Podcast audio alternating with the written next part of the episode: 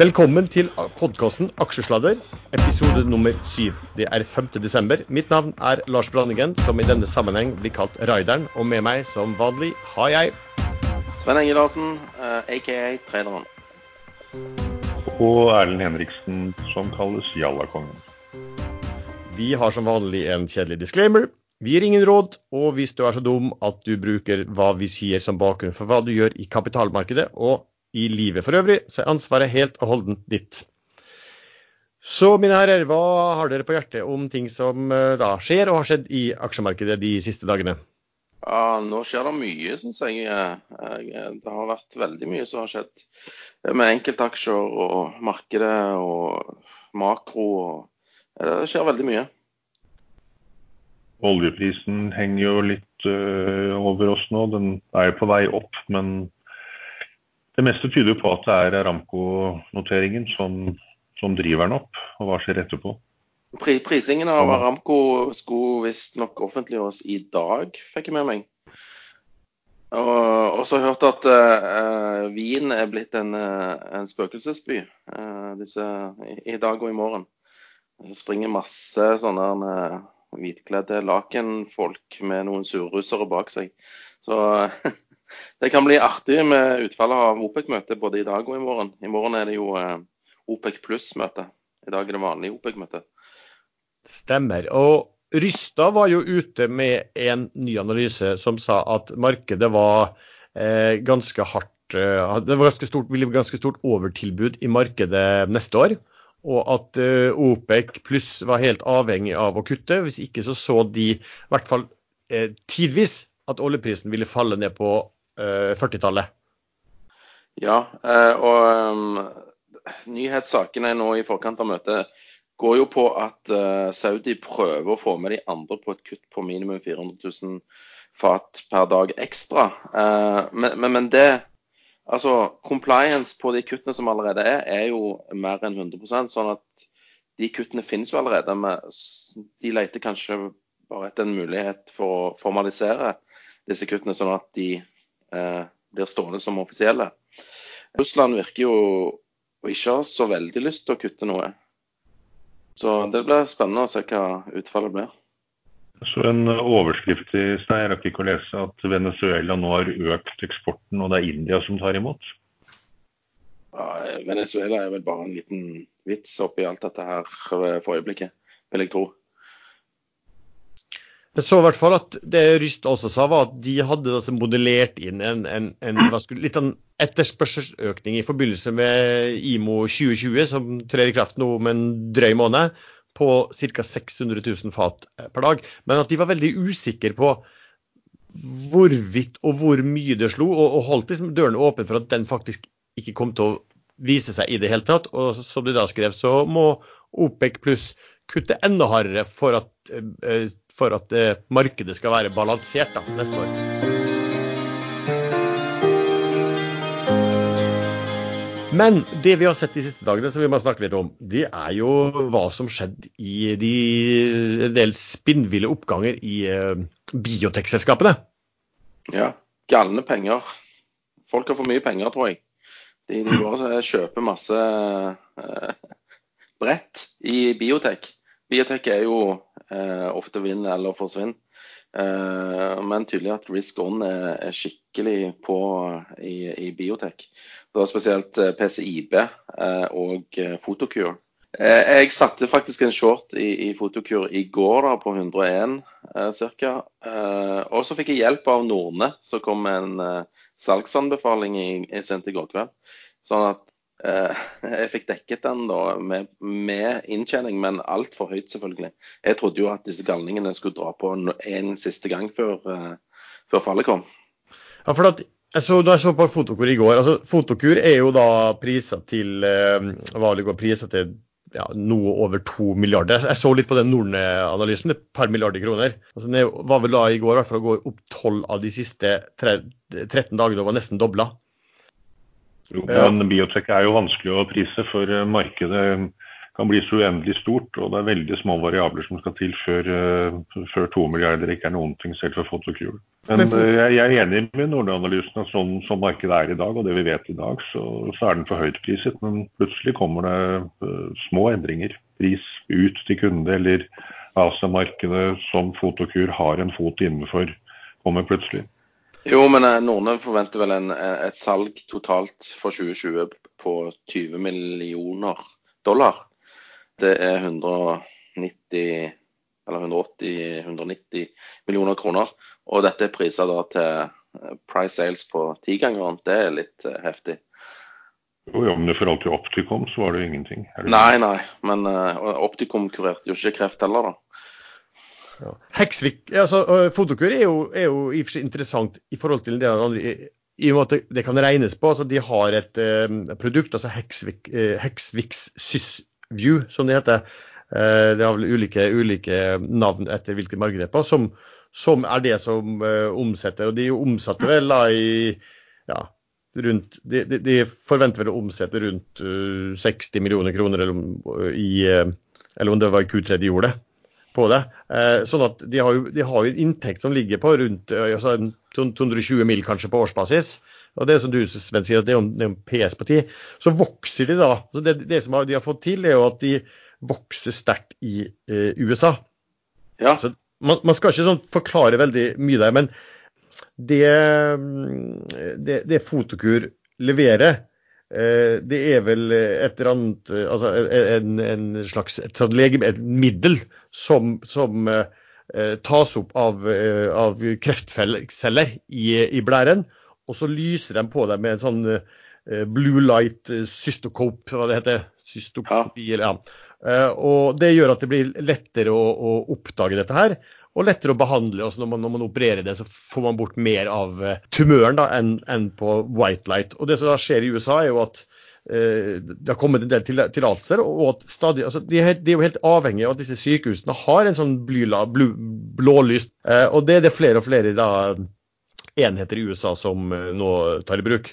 Så jeg så at I USA så har de altså, der øker salget, enhetssalget med 37% hittil i år.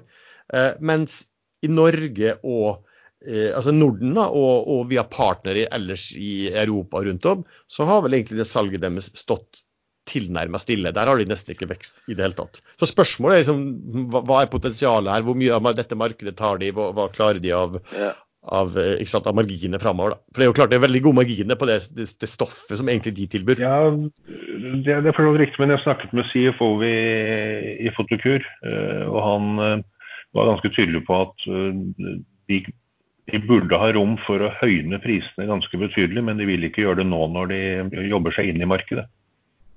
Men grunnen til at de vokser i USA, er jo at de, det er blitt økt refusjon Eh, på denne behandlingen. Det var, eh, og, og, det er vel ikke tilfellet i Europa. Sånn at du får tilbake Altså legene får tilbake penger fra myndighetene i USA når de benytter denne behandlingsformen. Spørsmålet er bare da blir egentlig hvor stor kan den behandlingsformen da bli i USA og andre markeder? og hva, altså, det, det, er jo både spørsmål hva de har og konkurrenter som, som, som er eh, altså det, det, finnes jo sånn hvit lys ikke sant? som, som man, ja, ja. de fleste i dag bruker. da. Så det er veldig vanskelig å, å, å, regne på det. Men det som er interessant, er i hvert fall at de, de har inntekter. Du kan regne inn sånn, sånn bruttofortjenesten på et, uh, på et varesalg. Og, og, i så måte så går det an å, å sitte og, og, og, balle med hva, hva vil dette her kunne innebære på de og de type eh, salgene, og hvor stort er dette markedet. ikke sant? Ja, fantastisk selskap, fantastisk produkt. Eh, det som jeg reagerer på, er stive prisingen av eh, egenkapitalen i selskapet. Det er kun det liksom som jeg stusser med. Fantastisk ellers. Legges det ikke også inn automatisk en potensiell oppkjøpspremie i sånne selskap? At eh, de store konsernene ser at her er det noe på gang, og det kan de utvikle mye raskere, mye bedre enn en Fotokur klarer selv. Så plutselig kjøper de selskapet for tre ganger børskurs men, men, det er jo ikke, altså Fotokur, den, den, behandlingen der, er jo på ingen måte noe nytt. Eh, det er jo mange år siden mange av oss har sett på det, fulgt med på det selskapet her også. Så det er vel, er det, Om det er Hexvix det har hett det produktet i, eh, i, Skandinavia og Europa, det er vel, det er vel at de, de, har begynt å få traction i, i USA. Som gjør at, at inntektene da stiger ganske kraftig. Sånn at jeg vil jo ikke tro at det, dette skal være noen nyhet for noen av disse aktørene. Men det er klart, de kan jo bli interessert når de ser hvordan her, et marked åpner seg. Så, sånne ting skal man liksom aldri se bort ifra, selvfølgelig.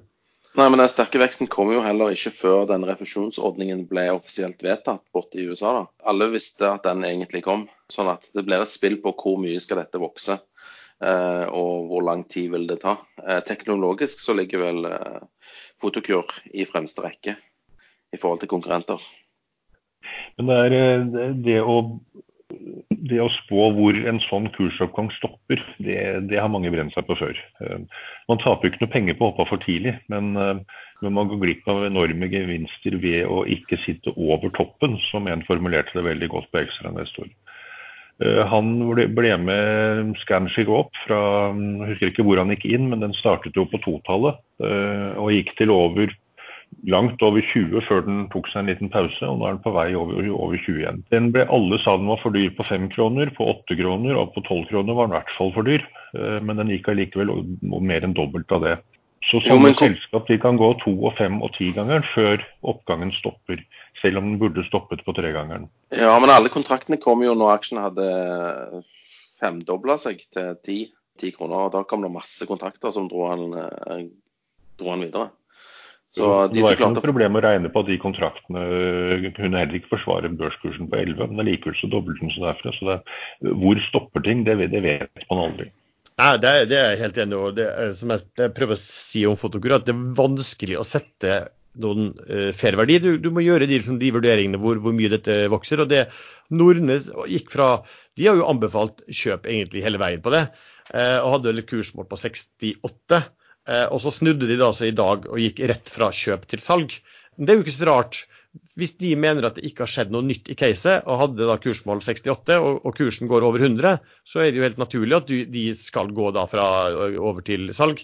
Så økte de vel kursmålet med, med et par kroner, men det var etter jeg forsto pga. Altså, valuta eh, Dollar, dollaren, dollaren har jo styrka seg. Dollar har styrket seg. Vi kan jo bare nevne også, da, når vi snakker om de produktene til eh, Fotokur, er jo at de, de de holdt jo veldig lenge på å lete etter partner til det som heter eh, Sevira, som var vel en, en sånn behandlingsmetode av HPV-viruset, hvis jeg husker riktig.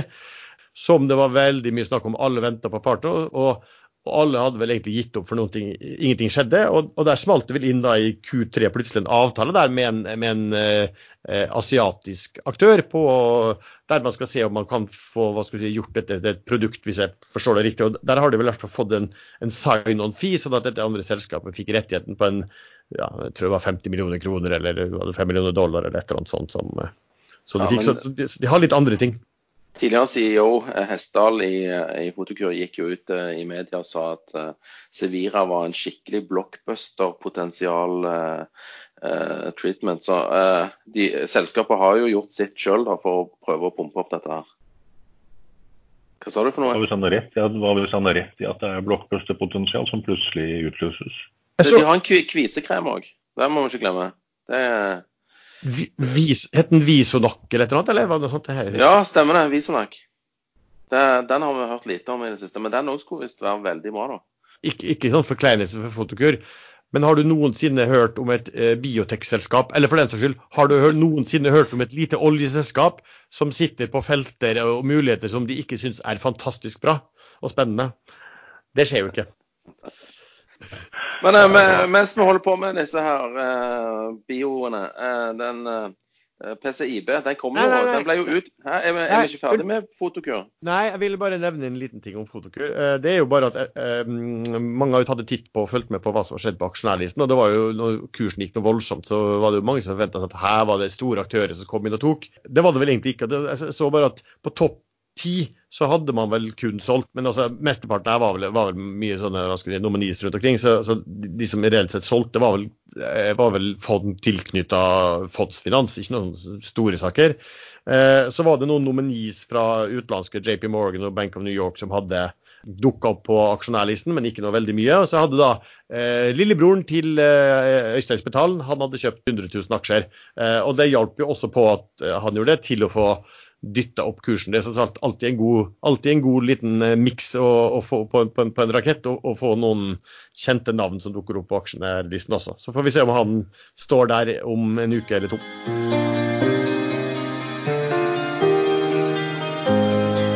Nå kan vi hoppe over til den andre biotech-selskapet, Bortsett fra at jeg må ta en digresjon der òg. Fordi PCIB, PCI Biotech, er nemlig en spin-off fra Fotokur. Det var ett og samme selskap for en del år siden.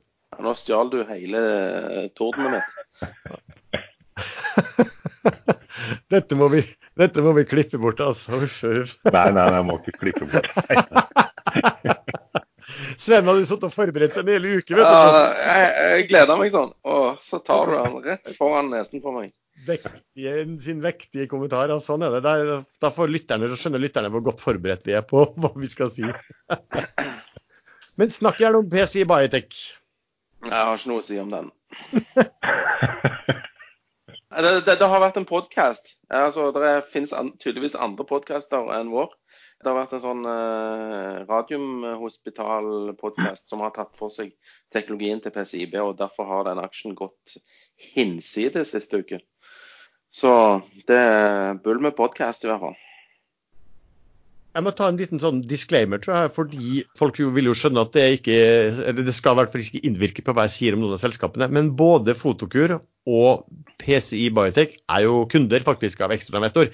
De har begge hatt uh, presentasjonen med Q&A gjennom oss. Og PCI Biotech hadde jo det for ikke eh, veldig mange ukene siden. Det er riktig Sven, at det kom en sånn podkast, men en av de som også ga, en sånn, eh, ga dem en ordentlig, en ordentlig oppgang, Eh, det var jo at de eh, kom med kvartalsrapport, og så navnga de da eh, AstraZeneca. AstraZeneca, ja selvfølgelig. Ja, som, som, partner i et forskningssamarbeid, og det forskningssamarbeidet ble, ble forlenget. Altså, de, de, har tidligere fortalt at det var en en av de toppselskapene i bransjen som de hadde samarbeidsavtale med, men de ville ikke ut med hvilket navn det var. Så det, det, det, kan ikke ha vært noe overraskelse at, at, det var et veldig bra navn, men når det kom Astra, så hjalp nok det eh, på også. Så, så tror jeg vel de holder vel på å innrullere pasienter i, i, i en av disse fasene ja. Eh, kliniske fasene sine. Så, og uten at jeg så på det, så, så tror jeg vel det også var det tempoet der var greit. Jeg har ikke sett noe annet. Ja, men AstraZeneca hadde jo ikke satt ryktet sitt på spill hvis de ikke hadde tro på dette her. Sånn at uh, det er jo egentlig kjempehull at de sier ja til at dere kan få lov å avsløre navnet. PCI Biotech, eh, man skal være veldig forsiktig for de er så kompliserte å fortelle. Men de er også sånn som Fotokur. De kommer fra det samme. De bruker også lys så, det er en slags, de, de, utnytter også kjemiske effekter av lys. Så sånn jeg forstår så, så er det at de, altså de, de, bruker vel lys som en slags eller en, altså det en transportmekanisme for å få legemiddel til å trenge inn helt rett inn i ålsen. Jeg kunne veldig mye om disse selskapene for lenge siden, og da, lå, da lå de bare der. Altså Kursen lå helt stille lenge, lenge, lenge. Og så plutselig tok han av eh, for det var vel to år siden. Ja. Da stakk han fra 20 rett opp i 60, og nå er han tilbake på 60. Ja. Så det de, det de bedriver, det, det, heter jo Photochemical Internalization. Altså PCI kommer jo det fra. Så det har de en plattform, og så har de vel i hvert fall tre programmer på dette her. To ulike faser der, der de altså bruker deres teknologi til å lede et legemiddel som benyttes, eh, sånn at det trenger eh, akkurat inn der det skal. Eh, og da blir det jo mer effektivt. Og f.eks. så kan man altså klare seg med også med mindre doser, sånn sett. De er kappa nå på 2,4 milliarder, så spin-offen er litt større enn den tidligere mor. Og de er vel altså PC Bike har jo fortsatt opp i dag, så den er også nest, altså den er nesten dobla på, på en uke.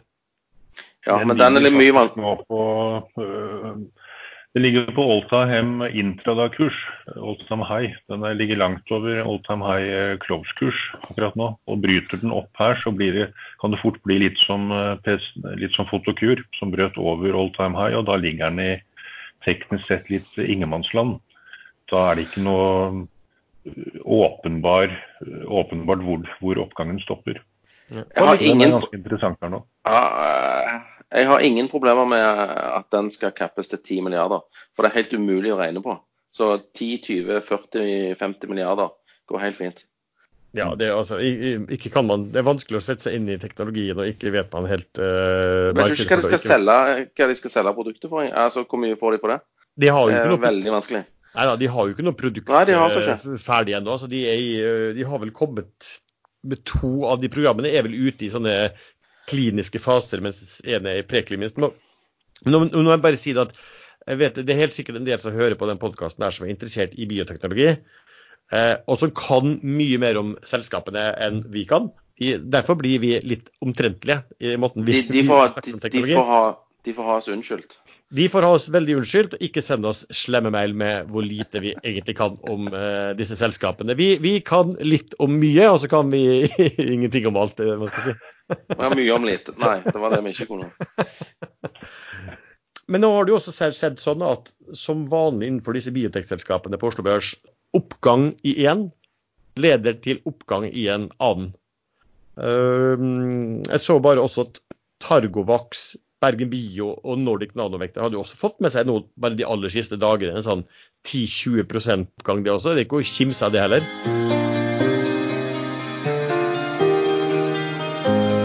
Men eh, toppen er ikke nådd før Biotech eh, Pharmacon går.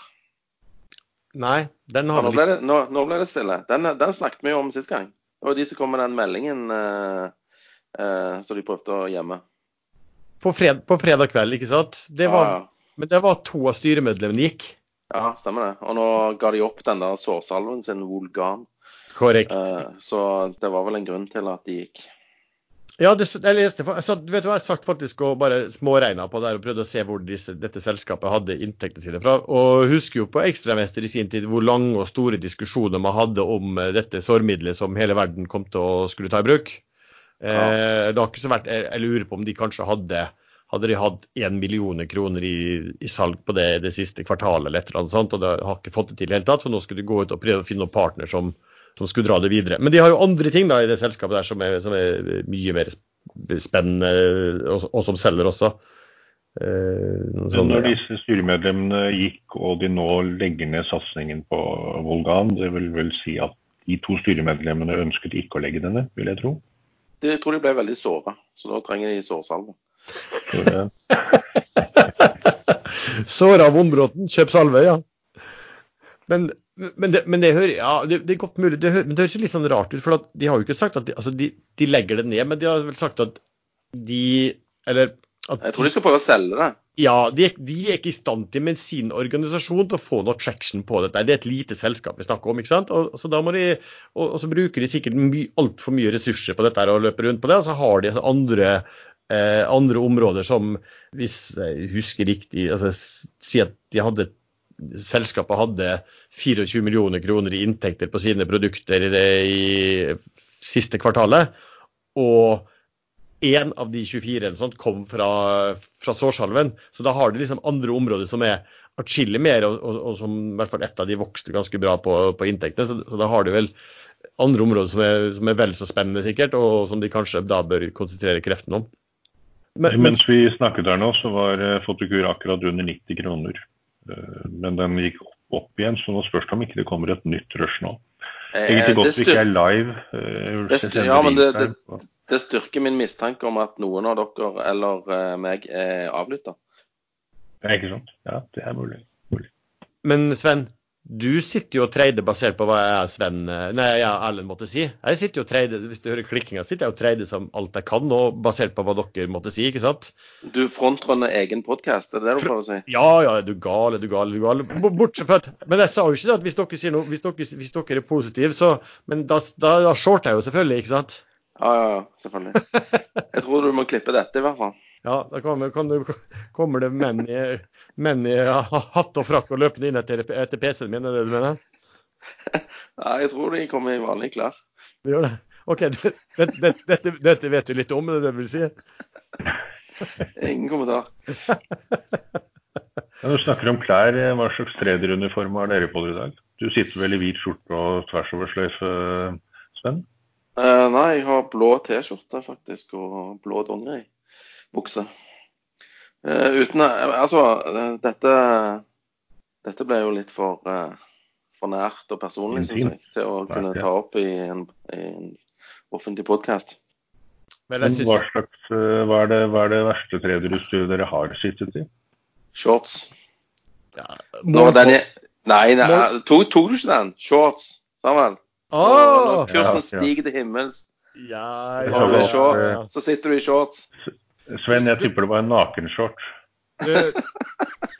Gutta, når jeg, hører, når jeg hører kommentarene deres nå, så er, så er jeg jo helt sikker på at eh, de som styrer Latter, kommer til å ringe dere ganske fort og høre om dere kan spille inn et show på dette her.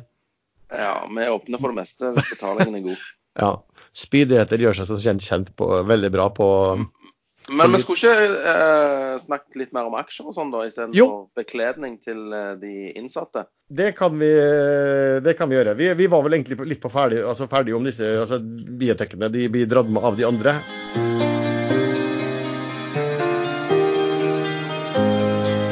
Så akkurat nå, når vi startet sendingen, så kom det eh, inn en melding på Doff og Doff Subsea. Og Doff har vel et, vært et selskap vi har, vi har skrevet mye om på Ekstrainvestor som reelt massivt teknisk konkurs i lang, lang tid.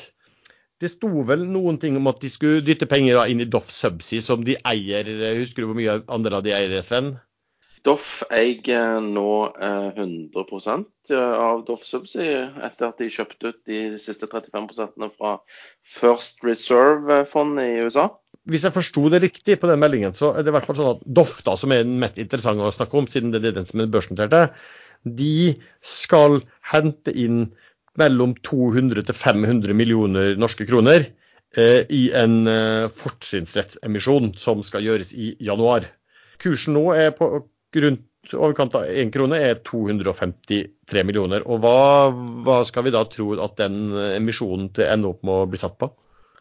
Jeg tipper hvis eh, Eller det er jo Møgster-familien som går inn og har garantert for at de går inn med mm, 200 millioner via sitt familieselskap. Eh, sånn jeg vil jo tro at de kan bare velge og vrake hvilken kurs de skal sette på. Det betyr vel egentlig ikke så veldig mye for de.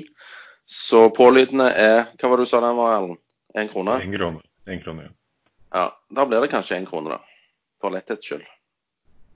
Hvis de er snille, så blir det én krone. Hvis de er, reelle, hva, hva, hva altså verdien av egenkapitalen er verdt på fortrinnsrettsemisjon, så gjør de den på fem eller ti øre. Men det er jo, det er jo enkelt for Ja, dem å gjøre, å gjøre det på én. ikke sant? Ja, det kan ett Ja. øre eller hva som helst. ikke sant? Ja, jeg tror ikke det betyr så veldig mye, i og med at de eier så mye eh, fra før allerede. Og i hvert fall ikke når de har veldig mye penger i, eh, i, i, i andre assets som har gjort det fantastisk bra. Da kan man ofte være litt, eh, litt mer rund i kantene i eh, prisingen, i hvert fall på et sånt selskap. eller hva? Blir det, blir det mye konvertering av bånd denne gangen? Nei, de blir bare forlenga eh, til 2024. Mens eh, For da, ba- ba- da har man bankgjeld den, denne gangen har man da ikke en, eh, en bøtte med ufrivillige aksjonærer, som man gjerne kaller båndholdere, som får aksjer istedenfor eh, lånet sitt.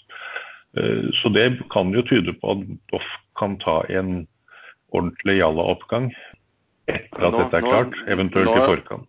Nå er det på'n igjen, ja. Der har du funnet en ny, sånn. ny kandidat. Det er sånn jeg liker.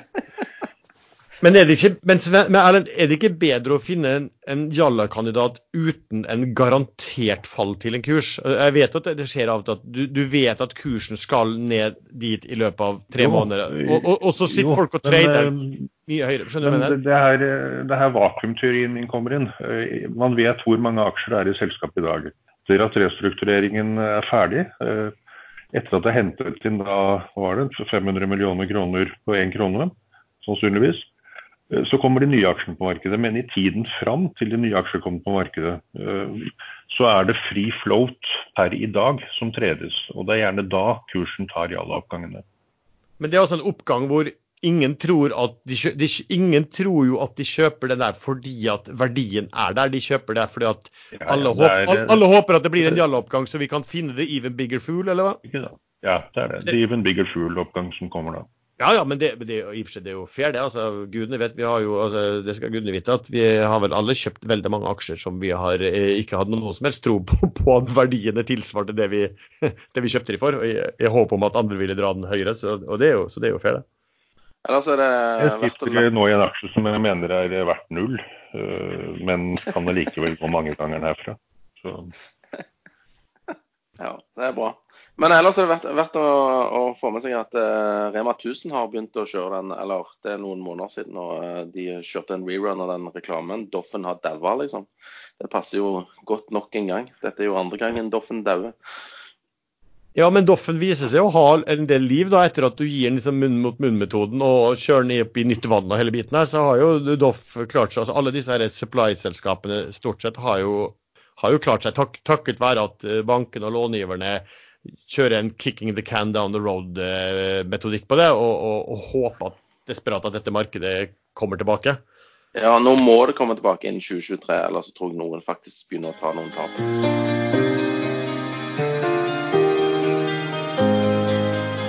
John Fredriksen har putta penger i rigg igjen. På en finurlig måte. Dere fikk med dere det? Som egentlig vel bare han forstår, tenker jeg de, de, de, spinner av et par rigger og legger i et eget selskap og henter penger der, eller? Var det Så, eller ja, jeg må, jeg må, dra en analogi fra, eh, fra en traderkollega fra Finnmark. Så, så, kommer dette her. Eh, Nodel de har jo fire rigger. To harsh environment-rigger eh, med kontra lange kontrakter. Og så har de to boreskip som er under bygging, blir levert i 2021.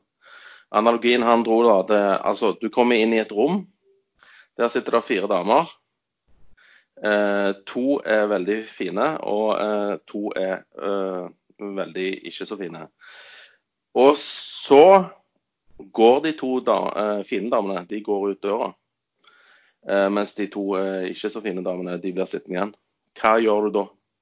Skal du da sitte og vente på at de ufine damene, eller mindre fine damene, blir fine? Eller skal du følge etter de to fine damene som faktisk går? Så det som jeg gjorde, jeg ble med i emisjonen på de fine damene eh, og tegna og fikk aksjer der. Eh, og, eh, og, ble ganske happy, mens de to ufine damene ble sittende igjen. Men en annen ting som skjedde dagen etterpå, så ringer jo han pimpen min i Pareto. Du må kjøpe de ufine damene, fordi at regnestykket sier at de nå er gratis. Ja vel, sier jeg. Kjøper på Open og står i. Og det gikk jo som det måtte gå de, de, de, mindre attraktive, de falt jo. De som var gratis, de falt? Ja, var det så? altså, de, de var, altså, de var gratis, eller, og du fikk til og med penger for dem. Ja, altså, ikke sånn, da, men Du drikker mer, så. Nei, altså, Nodel på dagens kurs er jo faktisk gratis. Ja, eller hvordan da? Det, det, det, for det, det, ligger et par rigger i Nodel, eller? Nå ligger det to boreskip eh, som ikke har fått levering. Ja. Det igjen, og pluss et krav mot et skipsverft uh, som de sikkert uh, gjør en settlement på om en, om en god stund. Men det, Men det, som er problemet med de to uh, mindre attraktive riggene, eller damene, det er jo at de trenger funding før de skal leveres. Så Det kommer jo et fundingbehov i Nodel, mens i Null der har du to fine med kjempelange kontrakter, som da blir en utbyttemaskin etter hvert. Mm, skjønner. Men, men har de Eh, Men, har, har, de banklån og obligasjonslån som ligger igjen da i Nodel, eller på, på disse styggeryggene? De har i hvert fall uh, masse bankfinansiering. Altså det, Halvparten av finansieringen er visst uh, gjort, mens andre halvparten er igjen. Men en ting som taler for de uh, mindre attraktive riggene, eller mindre attraktive selskapet, det er jo at du kan konvertere en del av Nodel-aksjene til null-aksjer litt senere. Altså ut til neste år. Men det betyr at du, du altså hvis du kjøper det, så får du en opsjon på å kunne konvertere ja, for, for en, Nodel, Nodel, vil sitte med eh, et eierskap på 70% i eh, null, altså eh, etter emisjonen er blitt gjort. De nye aksjonærene, inkludert meg sjøl, vi sitter da med 30% av null. Mens eksisterende eier Det var et forbehold der? Eh, ja, de, jeg forsto ikke, helt, ja, ikke helt det forbeholdet. Så det spørs jo, og det gjenstår å se hvor mye av Nodel som blir eh, konvertert eller bytta ut i, i, i Nodel-aksjer. Ja. Men null, Men jeg, syns, eh, jeg syns du var veldig lite politisk korrekt når du trekker fram det regnestykket med, med damer. Eh, flotte damer og mindre flotte damer. Du må, må, legge inn Det kunne vært menn eller transer eller et eller annet annet. Ja, ja men uh, dette får jeg skylde på min kollega fra, fra, fra Finnmark. Eh, jeg tror han er ganske rett fram og ganske straight, altså. Ja. Uansett om du, du bruker transer eller menn eller kvinner, og sånn, så, vil, så vil jeg jo anta at uh, i, i, det valget der, at du var i baren og de, de, de, de, to fine gikk ut og de to stygge satt igjen, så måtte man vel sånn I en virkelig verden så bør man kanskje innføre et, et, et, et begrep som har litt med å gjøre det også. Det er jo liksom mengden alkohol som finnes i lokalet. Ikke sant? Jo, men problemet er jo når pimpen eh, ringer og sier at du må prøve deg på de to mindre fine òg, fordi at de er nå gratis. Ja. Altså, hallo. Det, altså... Det, er noe som, eh, det er noe som stinker litt. Eh, man sitter igjen med de to eh, mindre fine damene, og så får man beskjed om at man kanskje kan få kjø... gå over i rommet. Kanskje kan få, få låne de, ja, de to andre. Nei, hvis du bytter ut. Nei, det, det, er for godt til å være sant. Vi får vel se hva som skjer. Men det kan fort bli det kan fort, Jeg skal ta faktisk, jeg så meldingen, jeg har ikke sett så veldig nøye på hva mm, på, Eller prøvd å regne på det, har ikke tid til det. Men eh, det er jo verdt å, å, å ta en titt på. Det, det, er jo faktisk sånn her i verden at, at eh, elendige selskap, stygge rigger, alt mulig sånt, det kan jo faktisk bli eh, fantastisk gode aksjer, eller billige aksjer. ikke sant? Det er jo ikke sånn, Var det ikke sånn Avilco startet opp, med rustne, gamle, stygge rigger? Jo, og, og mens vi snakker om Avilko, Avilko Drilling eh, Jeg leste en annen eh, sak her. fordi at eh, de to stygge eh, damene eh, i, eh, i Nodel, de er jo ikke alene. Det er 18 boreskip under bygging, og de har ikke kontrakt, de heller, liksom. Så du kommer til å få en haug med stygge rigger, eller mindre attraktive drillbåter etter hvert som da trenger kontrakt. Mens du har Harsh Environment-riggmarkedet som faktisk er utsolgt. Og apropos Avilco, så har de to Harsh Environment-rigger under bygging som ble levert i 21, tror jeg det, var der òg. Så, så, Avilco Drilling kan faktisk være et bra bet eh, hvis du skal i rigg. Men Hvis man drar denne litt videre, det er jo Fredriksen som uh, er kontrollerende aksjonær i både Nodel og da Nol etter hvert, og i Sidril. Eh, og det er Sidril som drifter disse harsh environment-riggene, vel, er det for Nodel? Eh, hva, hva, skjer med Seadrill eh, nå? Har, har, Fredriksen kastet inn håndkleet og tenkt Han trakk seg som styreformann også. Har han nå gitt opp Sidril? Skal Sidril slaktes? Et veldig godt spørsmål. Jeg venter jo fortsatt på julerally i Sidril. Så det trenger ikke bety at selskapet overlever at de får seg et julerally. Men Nei, det er veldig vanskelig å, å spå. Men det virker jo som eh, Fredriksen tar det sikre valget her, da. Her sitter du med, med to rigger med kjempelange kontrakter og eh, teknisk eh, overlegne i forhold til resten av riggflåten. Så eh, han, han eh, Du ser jo hvordan han tenker. Eh, andre får ordne opp i disse her problemengasjementene. Han tar de sikre dam, riggene. Jeg ser på Sidril nå, akkurat nå så er den opp en del prosent. og Trykk deg på feil tikker her. Den er opp 7,6% til 10,40. Ja, ikke sånn. Men den har hatt mange sånne antydninger til uh, rally opp på hele veien ned. og den Nedgangen startet jo på 220 kroner. Uh, men denne gangen har ingen av disse rallyene eh, blitt mer enn poff. Forrige gang kursen falt tilsvarende mye, så var det mange både to- og tre- og fireganger rally i, i kursen på vei ned. Eh, så når alle disse forsøkene på å, å pumpe kursen opp mislykkes, så sitter jeg med en følelse at her er det, her er det noen som vet at Sidil eh, skal ikke overleve denne gangen. Samt at oljeservice er ekstremt out of favor. Åh, oh, det, er så, det er så upopulært. Når du ser på alle, alt i oljeservice, det er bare eh, Ja, det har jo vært undersøkt ikke sant? Det har vært undersøkelser blant eh, store fondsforvaltere, og mange definerte hele oljeservicebransjen som uinvesterbar.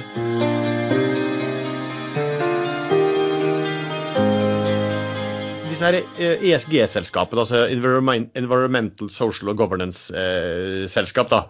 Det er jo, det er jo, man tenker jo som oftest på det som miljøselskap. Det har jo vært litt merke med at de har gått bra, og at de med god rating gjør, gjør det bedre enn andre. Jo, men Det er ikke noen eh. tvil om at, uh, at man får drahjelp hvis man putter penger inn i ESG-selskap. Ja, selvfølgelig. Ja. Det, det, det, er jo inn. Altså, det er jo det som er trenden nå. Og det å rebrande selskapet mest mulig til ESG-selskap. Altså, jeg har jo en liten historie fra det. på et, uh, Under dotcom-tiden så var det jo da internettkonsulenter. Det var jo ekstremt mye verdt. Hvis du var sånn systemkonsulenter og litt andre ting, så var jo du ikke så veldig interessant i den greia her. Altså på, på, toppen så var det vel altså eh, noen svenske som, som internettkonsulenter. De gikk jo for, for 10 millioner kroner per hode, ble selskapet verdsatt til. Folk trodde at de, de folkene kunne bare sitte for seg selv, og, og disse hadde en webside som, som, tok ned alle butikkene som fantes rundt omkring. Men i alle fall, da var det jo norsk aktør, norsk børsnotert som på, på, på fredag så var var de vel systemkonsulenter, og så hadde de en god del sånn som lagde altså, reklamemateriell, grafiske eh, alt det der også, så, og trykte brosjyrer og alt mulig sånt. Eh, det var de på fredag. og Når, man, eh, når børsen åpnet på, på, mandag, når man kom på jobb på mandag, så de hadde vel bytta navn. og da var dette her, det var, altså Alt var internettkonsulenter.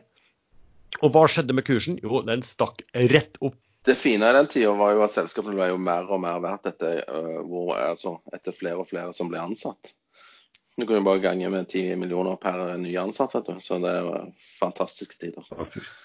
OBX-indeksen, viktigste indeksen vi har på Oslo Børs, der kommer det til å skje endringer.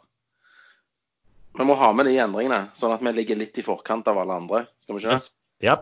Jepp. Eh, 19.12., tredje torsdagen i eh, desember, da skiftes eh, constituents i OBX-en ut. Eh, to meglerhus, DNB og Pareto, har regna seg fram til at de som går inn, er BWLPG og Frontline.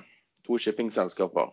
De som kommer til å gå ut nå, basert på likviditet og trading mellom august og november, det er PGS og Elkem. Eh, disse endringene vil bli offentliggjort av børsen 11. Eh, til 12, eller 11. eller 12. mest sannsynlig desember. Og endringene skjer da etter close den 19. Så uh, viktig å følge med på de fire selskapene.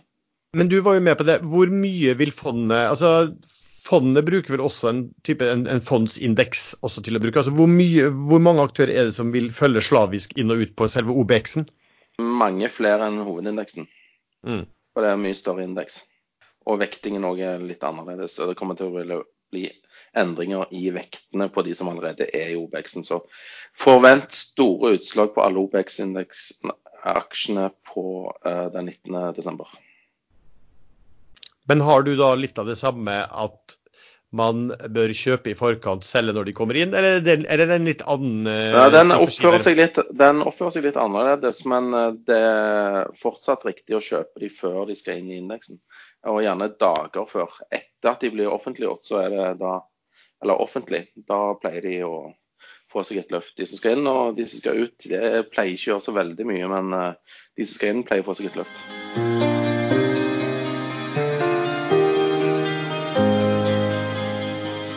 Nå kan vi gå over til ukens favoritter. Fra traderen og fra Jallakongen. Skal du starte, Sven? Eh, ja, det kan jeg godt gjøre. Eh, jeg fortsetter med Noreco.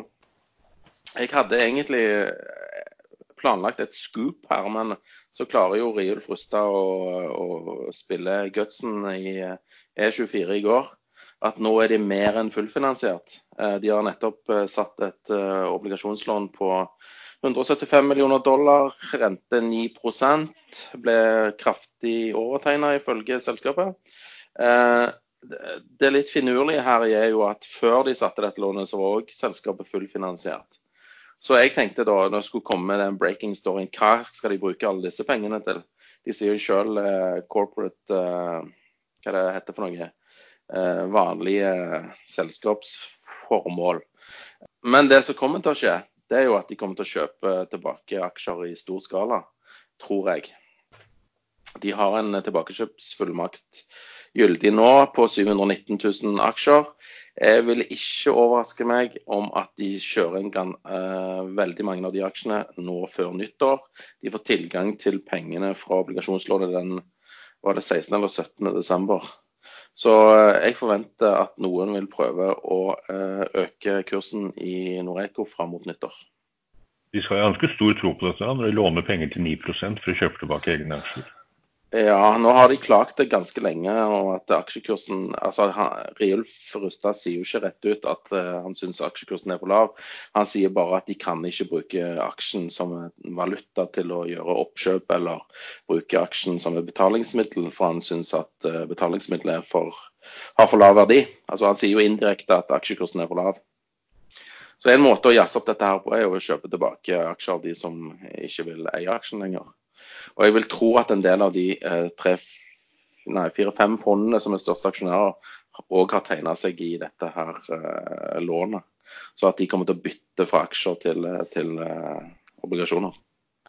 Ja, og klart, men En del av de fondene vil vel svært gjerne, siden de noen få, noen få dominerer mm, så vil vel de veldig gjerne ha den kursen opp til eh, nyttår kanskje også, i forhold til bonuser og avkastningsvurderinger for året og hele den biten? Det vil jeg tro. Eh, I hvert fall eh, de som har en forholdsmessig stor andel av fondet sitt i eh, Noreco-gjeld og aksjer, som f.eks. Kite Lake. De, de er sikkert interessert i en veldig høy aksjekurs den 31.12.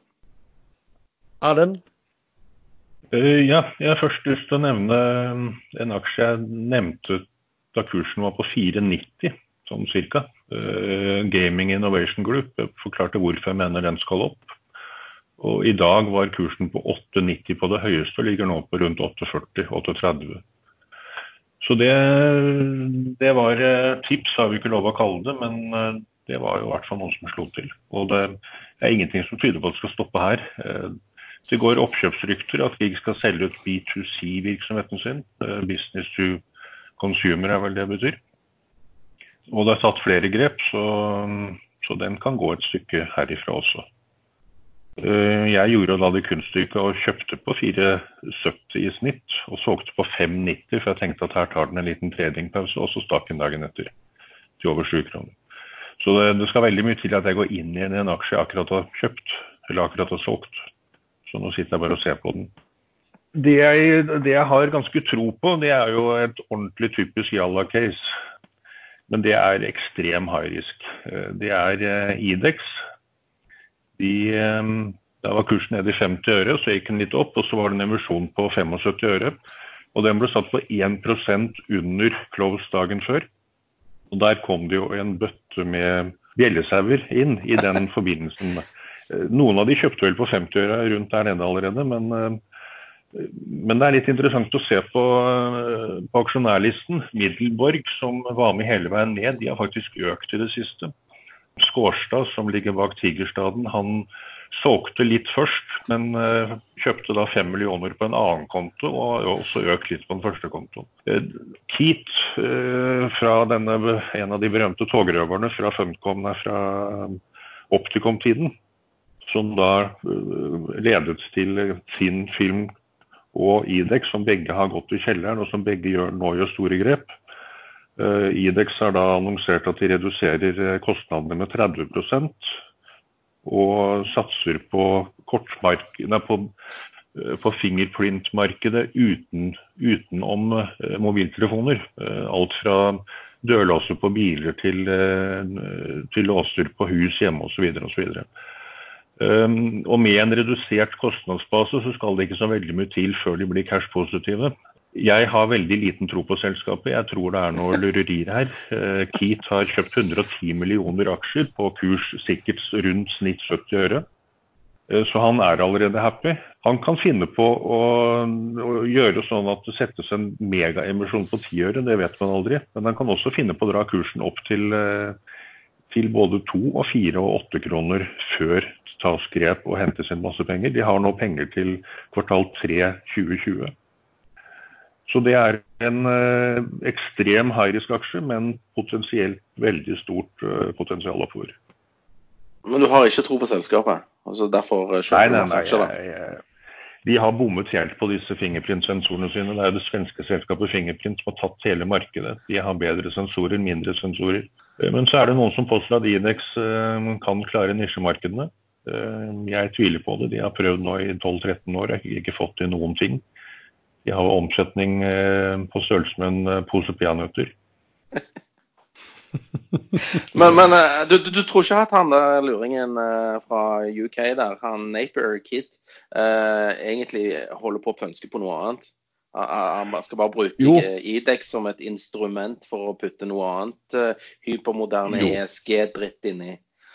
Et eller annet som han kontrollerer fra før, eller som han vil tjene på den veien også. Som Men er skikkelig er jo- inn.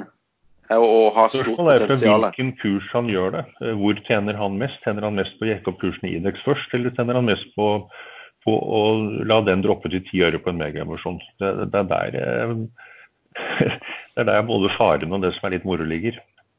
Ja. Man skal ha litt høy man, ikke, man kan ikke se bort fra skjermen når man sitter i en sånn aksje. Det høres ut som en uh, Jalla-aksje, men Jalla-aksjer som det har vist, de kan gå veldig bra, de. Kortsiktig i hvert fall. Ja, det, er en, det er en grunn til at jeg har kallenavnet mitt. Ja. Ja, ja, ja. Selvfølgelig. Vi, eh, det er flott. Og navnet er flott, det. Vi har snakket en del om ekstrainvestor.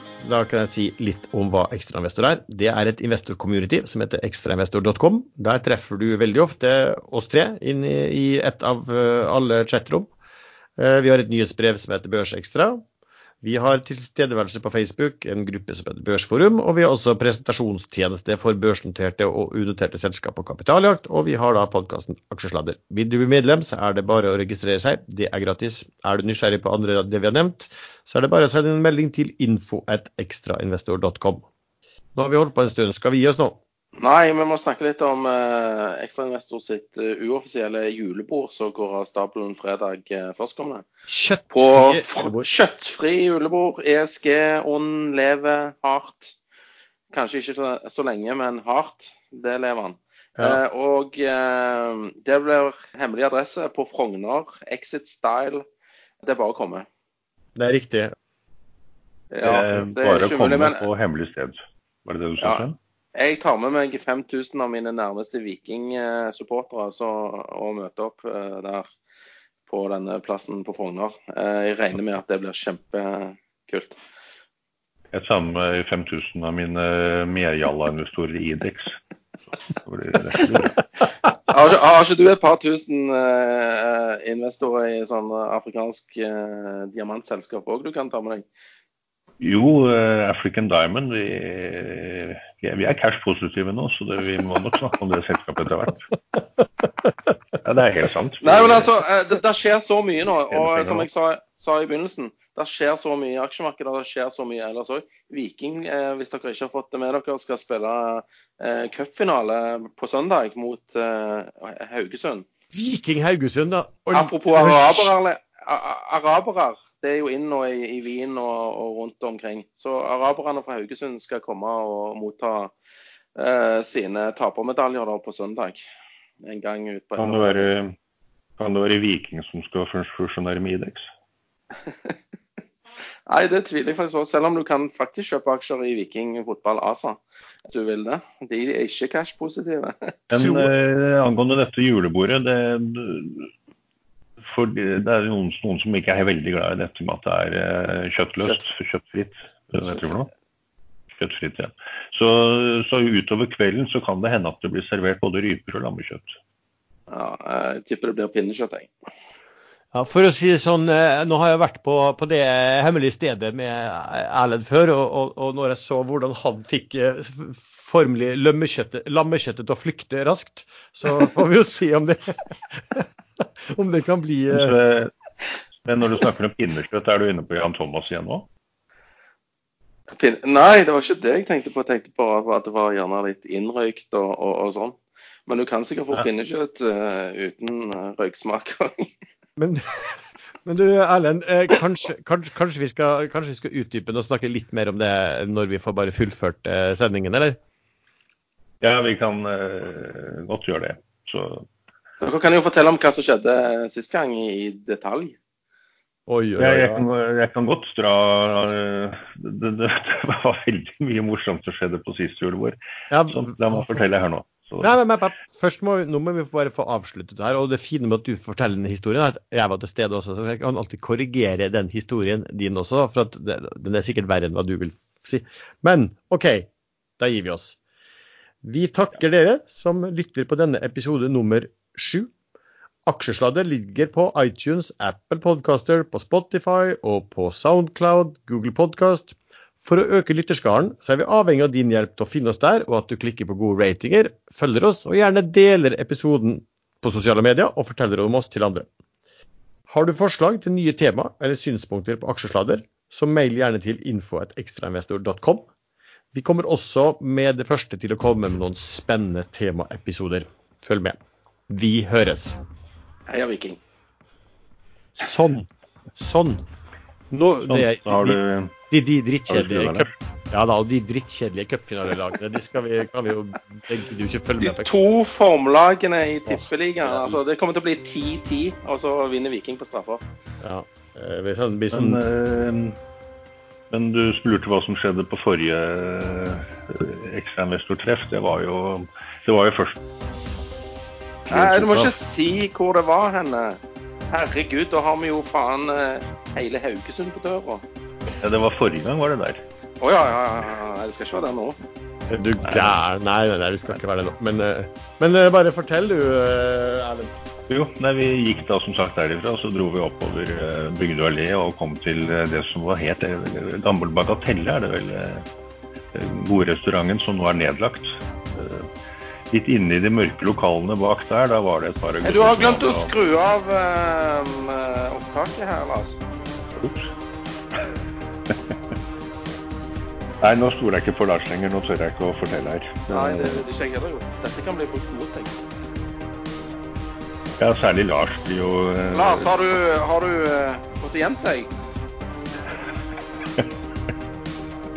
Han bare satt på opptak og, og gikk, han. Ja, Det er han det går utover dette her, da. Han, må fall skru, han har ikke skrudd av knappen ennå. Det er fortsatt på opptak.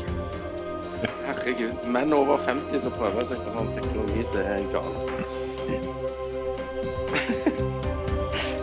Skal jeg tippe hvem som blir avlytta, så er det lav odds på framlegging. Lars, du må skru av.